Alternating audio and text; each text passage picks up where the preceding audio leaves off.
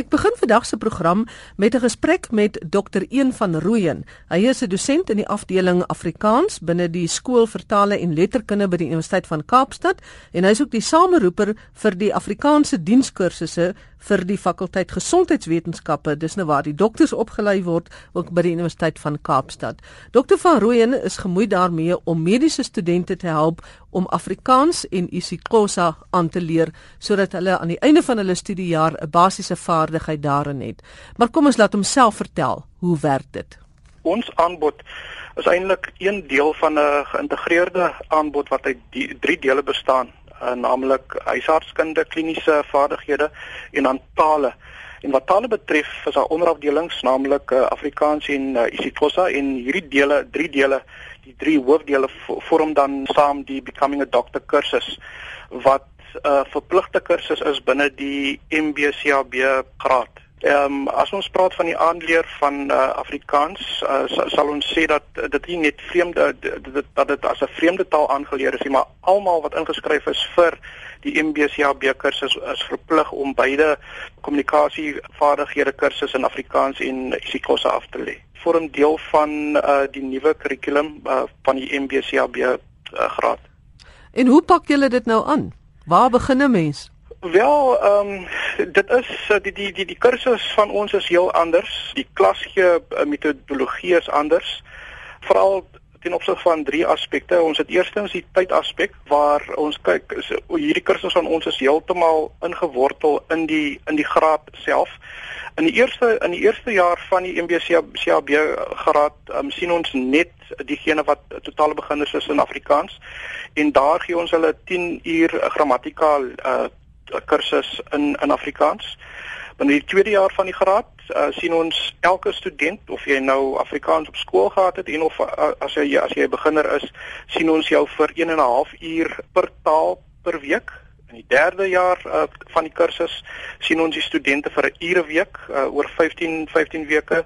In jaar 4 uh, van die kursus sien ons weer eens die studente vir 1 uur per week oor 'n sewe periode, sewe weke periode. En uh, daar sien ons die die, die studente uh, uh, op verskeie hospitale soos uh, GF Jooste, Somerset, Victoria Hospitaal. En daar sien ons hulle met werklike uh, pasiënte. En daar's ook sprake om die kursus uit te brei na uh, pediatrie toe uh, wat die 5de jaar van die MB BCAB kursus is. En daarna sal ons dit uh, verder uitbrei na die 6de jaar toe wat ek ook wil noem is dat hoe hierdie kursus anders is as 'n uh, gewone taalonderrig of Afrikaanse onderrig is dat studente in hierdie kursus met bestaande mediese kennis uh, na vore kom wat uh, tersaaklik is. En dit uh, help ons help hulle met die met die met die uh, aanleer van die taal omdat hulle wel 'n basis het teenoor 'n uh, gewone taal aanleer waar jy uh, basies uh, geen of of min bestaande kennis het nie en en dan derdelik uh, fokus ons ook op uh, uitsluitlik op mondelinge kommunikasie vaardighede teenoor natuurlik die ontwikkeling van beide skryf en uh, kommunikasievaardighede in in die tradisionele opset. Ek neem aan dit is dan eintlik om dit wanneer die studente dan in die praktyk is, wanneer hulle dokters is, makliker te maak om met pasiënte te kan kommunikeer. Die doel is dat hulle met hulle pasiënte kan kommunikeer in die taal van die pasiënt as 'n pasiënt Engels of Afrikaans of uh, isiXhosa praat, moet die dokter dan op die vlak van die pasiënt kan kommunikeer in die taal van die pasiënt.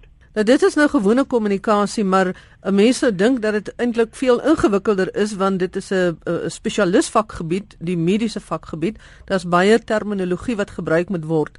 Wat gebeur dan? Die studente dra kennis van die mediese terminologie, maar dit moet hulle oor kan dra in die taal van die pasiënt daar word geensins verwys na tegniese mediese terminologie wanneer daar met uh, pasiënte gekommunikeer word nie. As 'n dokter byvoorbeeld aan 'n pasiënt moet verduidelik jy het 'n hartprobleem en dit en dit is die probleem met jou hart, sou die kennis dan sodanig wees dat hulle dit op daai vlak kan verduidelik. Hulle sal dit op op uh, daardie vlak kan verduidelik. Ek het genoem dat ons uh, die studente sien van vanaf jare 1 tot tot jaar 4. En teen teen die tyd dat hulle in jaar 4 kom, kan hulle al 'n hele reeks onderwerpe bespreek soos byvoorbeeld moet onontgroet die die neem van 'n geskiedenisopname. Hulle sal die verskil uit kan wys tussen 'n doktergesentreerde benadering teenoor 'n pasiëntgesentreerde benadering. Hulle kan gesels oor bloeddruk, pols, uh, koors, die algemene ondersoek, kardiovaskulêre ondersoek, uh, die taal van die fisiese ondersoek, die respiratoriese stelsel, HIV, die buikondersoek, die uh, genito-urinêre stelsel, uh, suikersiekte, sentrale senuweestelsel en en dis meer. So dis 'n um, werklike omvattende uh, reeks onderwerpe waaroor hulle wel alvaardig is. En die belangrikste is eintlik dat 'n mens dan nou weet wat is die fout en as jy dan nou nie in detail verstaan nie dat jy kan dit verwys. Ja, uh, beslis. Wat is die belangstelling van die studente? Doen hulle dit maar omdat hulle nou verplig word of is daar 'n werklike behoefte of belangstelling van studente om in ander tale hulle werk te kan doen? Uh toe ons begin was dit eintlik uh, baie vreemd dat jy uh, 'n uh, spul taalkenners gehad het wat nou inskakel by gesondheidswetenskappe. Die studente het aanvanklik uh het hulle gevoel maar hoekom moet hulle dan nou nog 'n taal leer as hulle eintlik universiteit toe kom om uh, opgelei te word as 'n dokter? Maar wanneer ons uh, die kliniese jare betree, besef studente dat om om die skeidsmuur tussen dokter en en pasiënt te laat val, is dit eintlik uh, noodsaaklik dat hulle die die die taal van die pasiënt kan praat. Deesdae word dit eintlik gesien as 'n uh, die, die aanleer van van van beide Afrikaans en isiXhosa word eintlik gesien as 'n 'n basiese kliniese vaardigheid. Ten slotte dan dokter van Rooyen, hoe assesseer 'n mens dan op die ou en die studente en weet wat is hulle vaardighede?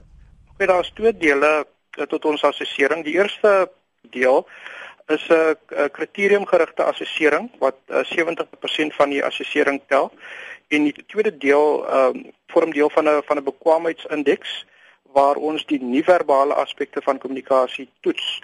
En hier kyk ons veral na professionaliteit, uh begrip van die taak, uh derdens die uitvoer van die spesifieke taak. Ons kyk na selfvertroue en dan ook na algehele taalvaardigheid. So dit self ook is 'n uh, baie omvattende proses en uh, aan die einde van die 4de of 5de jaar het ons het ons vertroue dat ons dokters wat eintlik goed met uh, pasiënte sal kan kommunikeer. Dit dan dokter 1 van Rooyen, hy is die sameroeper vir Afrikaanse dienskursusse vir die fakulteit gesondheidswetenskappe by die Universiteit van Kaapstad, maar hy is ook 'n dosent in die afdeling Afrikaans by die skool vir tale en letterkundes. Ek het ook gesels met professor Christa van der Walt. Sy spesialiseer in taalverwerwing. Sy is van die fakulteit opvoedkunde by die Universiteit van Stellenbosch en spesifiek gemoeid met meertalige onderrig. 'n Vraag gevra, is dit so maklik om 'n ander taal as jou moedertaal aan te leer? Ek dink dit hang baie af van die faktore rondom die proses.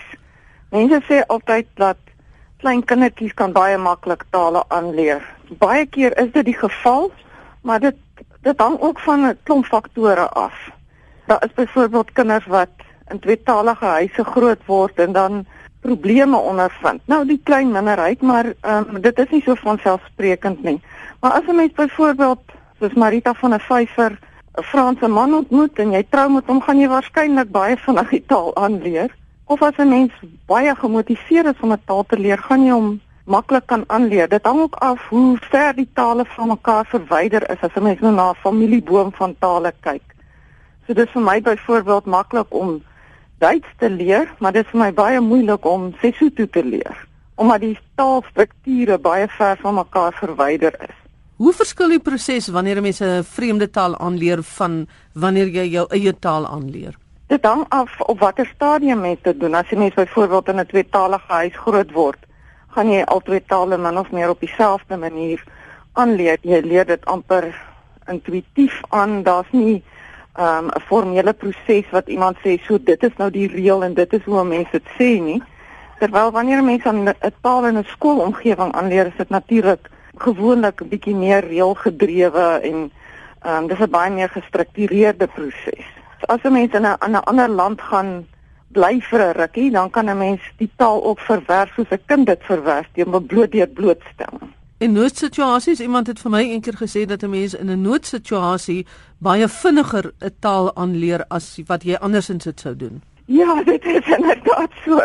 Mense brein wil betekenis maak van die taal wat hy daar buite kan sien. So 'n mens in 'n situasie waar jy byvoorbeeld glad nie die taal van die omgewing ken nie, gaan 'n mens baie vinnig begin patrone raak sien. Ek onthou byvoorbeeld dat ek in Budapest was en glad nie kon ehm um, ek verstaan glad nie die taal nie, maar mens kon vinnig agterkom o, hierdie is die woord wat beteken dis 'n straat of hierdie is die woord wat beteken dis 'n plein. Dis dan nie 'n noodsituasie nie, maar dit wys net hoe mense brein wil betekenis maak.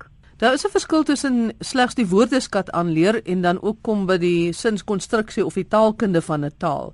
Tot ja. watter mate wanneer 'n mens nou met meertalige onderrig werk, uh konsentreer mens meer op die woordeskat of konsentreer mens dan ook op die taalkunde? Wat is die belangrikste?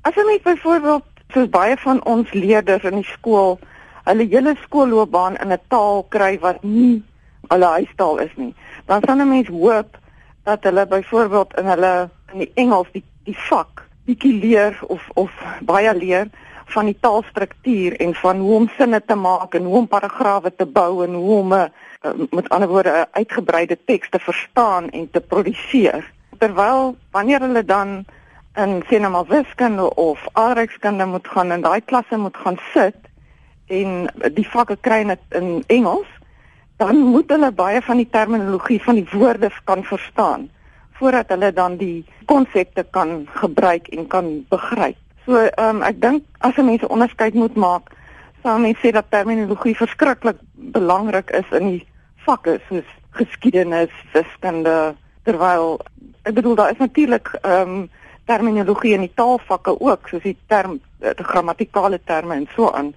Maar mens sou hoop dat 'n mens daar meer aan die struktuur van die taal sou bou. So mense moet dan eintlik 'n onderskeid tref tussen 'n uh, 'n uh, vreemde taal aanleer bloot vir kommunikasiedoeleindes en aan die ander kant as jy dit in 'n vakgebied of in jou werksomgewing nodig kry. Ja, absoluut. Absoluut. Ehm um, dit is hoekom mense 'n boekie skryf wat sê, "Goed, jy gaan nou in Japan vakansie hou. Ehm um, hierdie is hoe mense vra vir 'n koppie tee of waar die toilet is of so iets." So dis dit is 'n baie oppervlakkige amper net so oorlewingstaal om om 'n taal te gebruik om in te leer en om om in te skryf is 'n baie baie meer gevorderde proses. Tot watter mate bepaal 'n aanleg vir tale uh hoe goed of hoe swak jy 'n vreemde taal gaan aanleer? Daar is 'n element daarvan wat waar is dat 'n mens moet mens moet 'n mate van aanleg hê en natuurlik ook belangstelling. Ek dink nog steeds dat as 'n mens baie sterk gemotiveerd is, maak dit nie saak hoe swak jy aangeleer is daarvoor nie, jy sal nog steeds die taal leer. Maar dit is inderdaad so ons skole en ons universiteite is baie verbaal ingestel. As jy nie goed die taal kan bemeester nie, dan kan jy amper nie toegang tot die universiteit kry nie.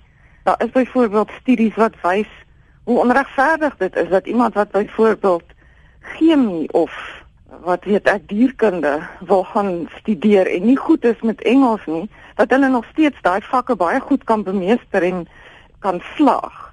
Maar ons het 'n baie sterk fokus op taal en die gebruik van taal as toegang tot hoër onderwys. Dit is 'n probleem op universiteit vir baie studente wat byvoorbeeld nie eens Engels baie sterk onder die knie het nie wat nou skielik die handboeke en die lesings in Engels moet kry.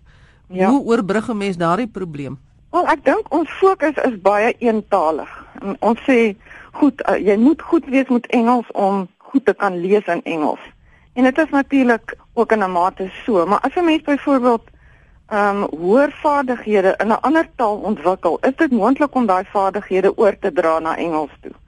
Maar omdat ons so gefokus is op net een taal, toets ons studente net in daai een taal en dan verskaf ons ook ondersteuning net in daai een taal. Dit is nou Engels. Dit is een van my groot passies. Ek voel as ons al die tale wat hulle het kan gebruik om dit vir hulle moontlik te maak om te leer dan sal ons baie beter resultate kry. Jy verwys nou na na Engels. Dit is eintlik 'n taal wat almal maar na toe gaan. Ja, presies. Hoe vind julle deesdae met byvoorbeeld Afrikaans sprekende studente wat nou by die universiteit kom en dan nou in Engels onderrig moet ontvang? Wat is julle ervaring? Presteer hulle swakker of is die Afrikaans sprekende deesdae baie meer tweetalig of selfs meertalig as 5 of 10 jaar terug? Ja, ek sou sê net in beginsel het Afrikaanssprekende studente minder van 'n probleem omdat Engels en Afrikaans die twee tale uit dieselfde taalfamilie uitkom en hulle is natuurlik nader, nader aan mekaar as byvoorbeeld Engels en Sesotho of Engels en isiZulu. So daar is 'n mate waartoe bloot in terme van die struktuur van die taal dit makliker gaan wees vir 'n Afrikaanssprekende om Engels te leer en om goed te word in Engels. Maar ek sou sê dit is oor die algemeen so ja dat dat Afrikaanse studente baie groter of beter tweetalig is as as ons Engelssprekende studente byvoorbeeld. Jou vakgebied is spesifiek meertalige onderrig, dis iets waaraan jy belangstel. Ja. Wat is die grootste struikelblokke waarmee jy te doen kry?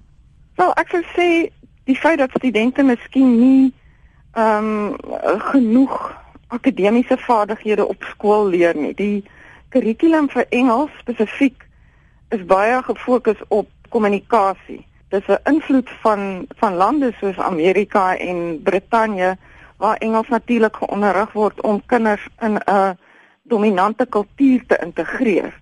By ons is die behoefte om kinders te leer lees en skryf in hulle akademiese vakke sodat hulle kan goed doen op skool sodat hulle universiteit toe kan kom. So die fokus is vir my anders daar. En die fokus in die kurrikulum behoort ook meer op akademiese vaardighede te wees, selfs in die laer grade.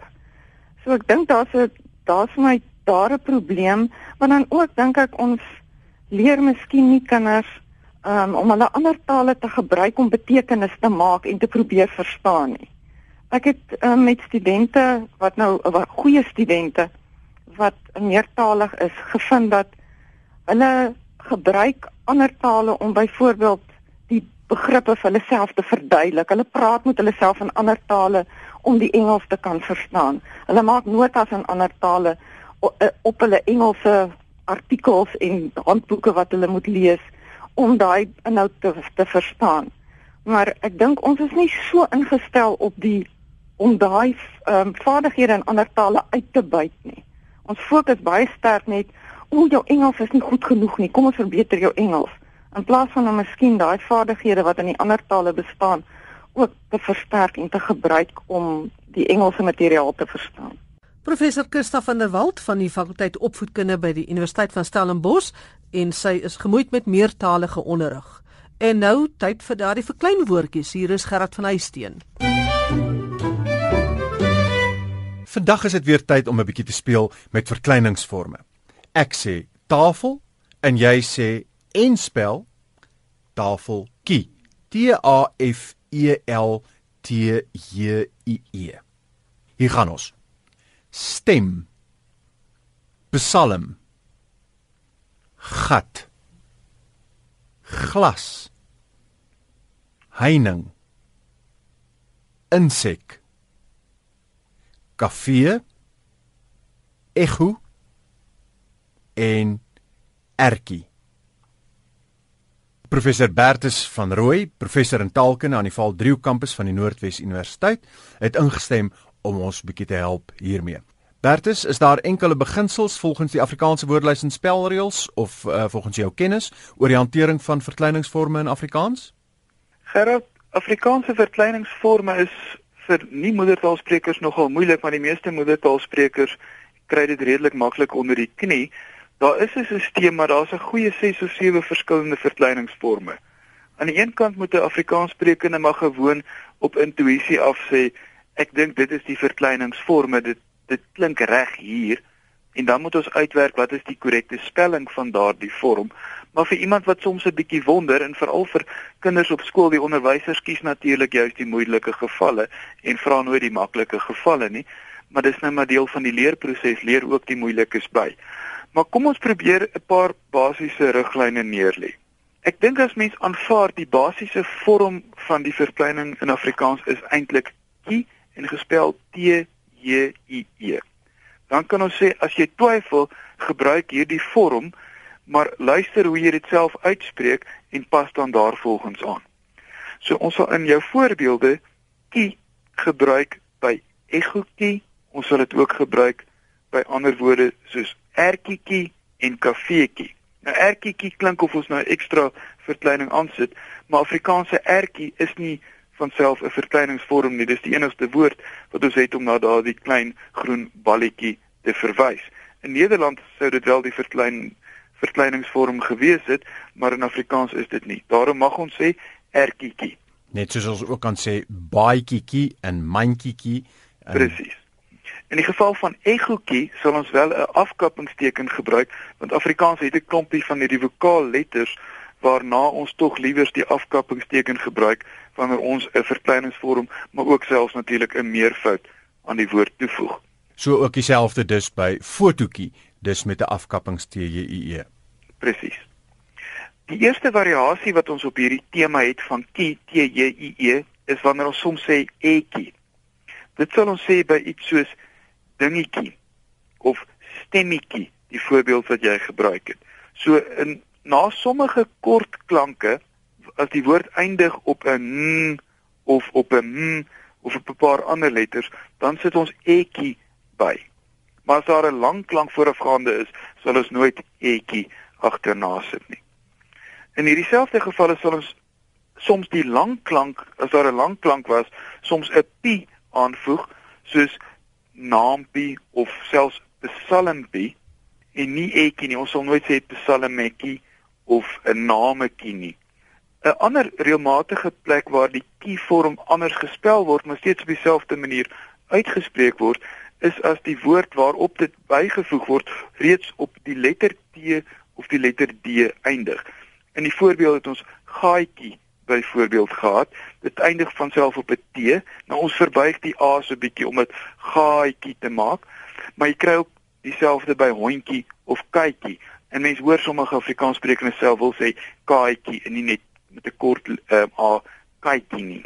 So dis dieselfde klank, maar ons spel hom net met 'n j i e, ons sit nie ekstra t hierby nie. Maar vir die duidelikheid dis gaatjie skryf ons G A A T J I E, maar kaatjie skryf ons K A T J I E. Presies krities, ons sit nie 'n dubbele T daarin nie. Ons spel die verkleiningsvorm dan net J I E en nie meer T J I E nie. Die ander variasie wat ons het is dat ons dit soms net as I E spel. Dit kry ons in die voorbeelde by glas waarvan die verkleining glasie is, maar jy sal dit ook kan kry by kraak wat kraakie word of roos wat rosie word, oog wat oogie word.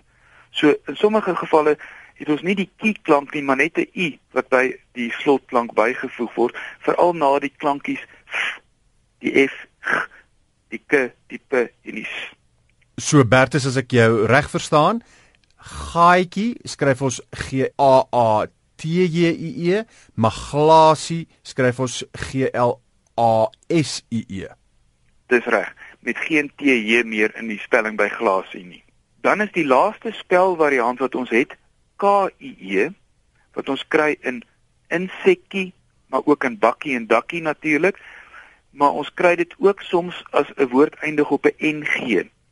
Soos in doring, verkleining, doringkie. Horing, horingkie. Heining, heiningkie, ook onder die voorbeelde. So as dit eindig op 'n NG en dit word voorafgegaan deur 'n kort 'n klank, dan is die verkleining vorm K I E, maar dan in die spelling gaan daardie G wegval. So in die geval van heining spel ons die verkleining H E I N I N K I E, nie N G K I E nie. Ja, baie dankie professor Bertus van Rooi taalkenner wat vir ons gehelp het met verkleinwoordse spelling. En daarmee groet ek tot volgende Sondag se die tale wat ons praat.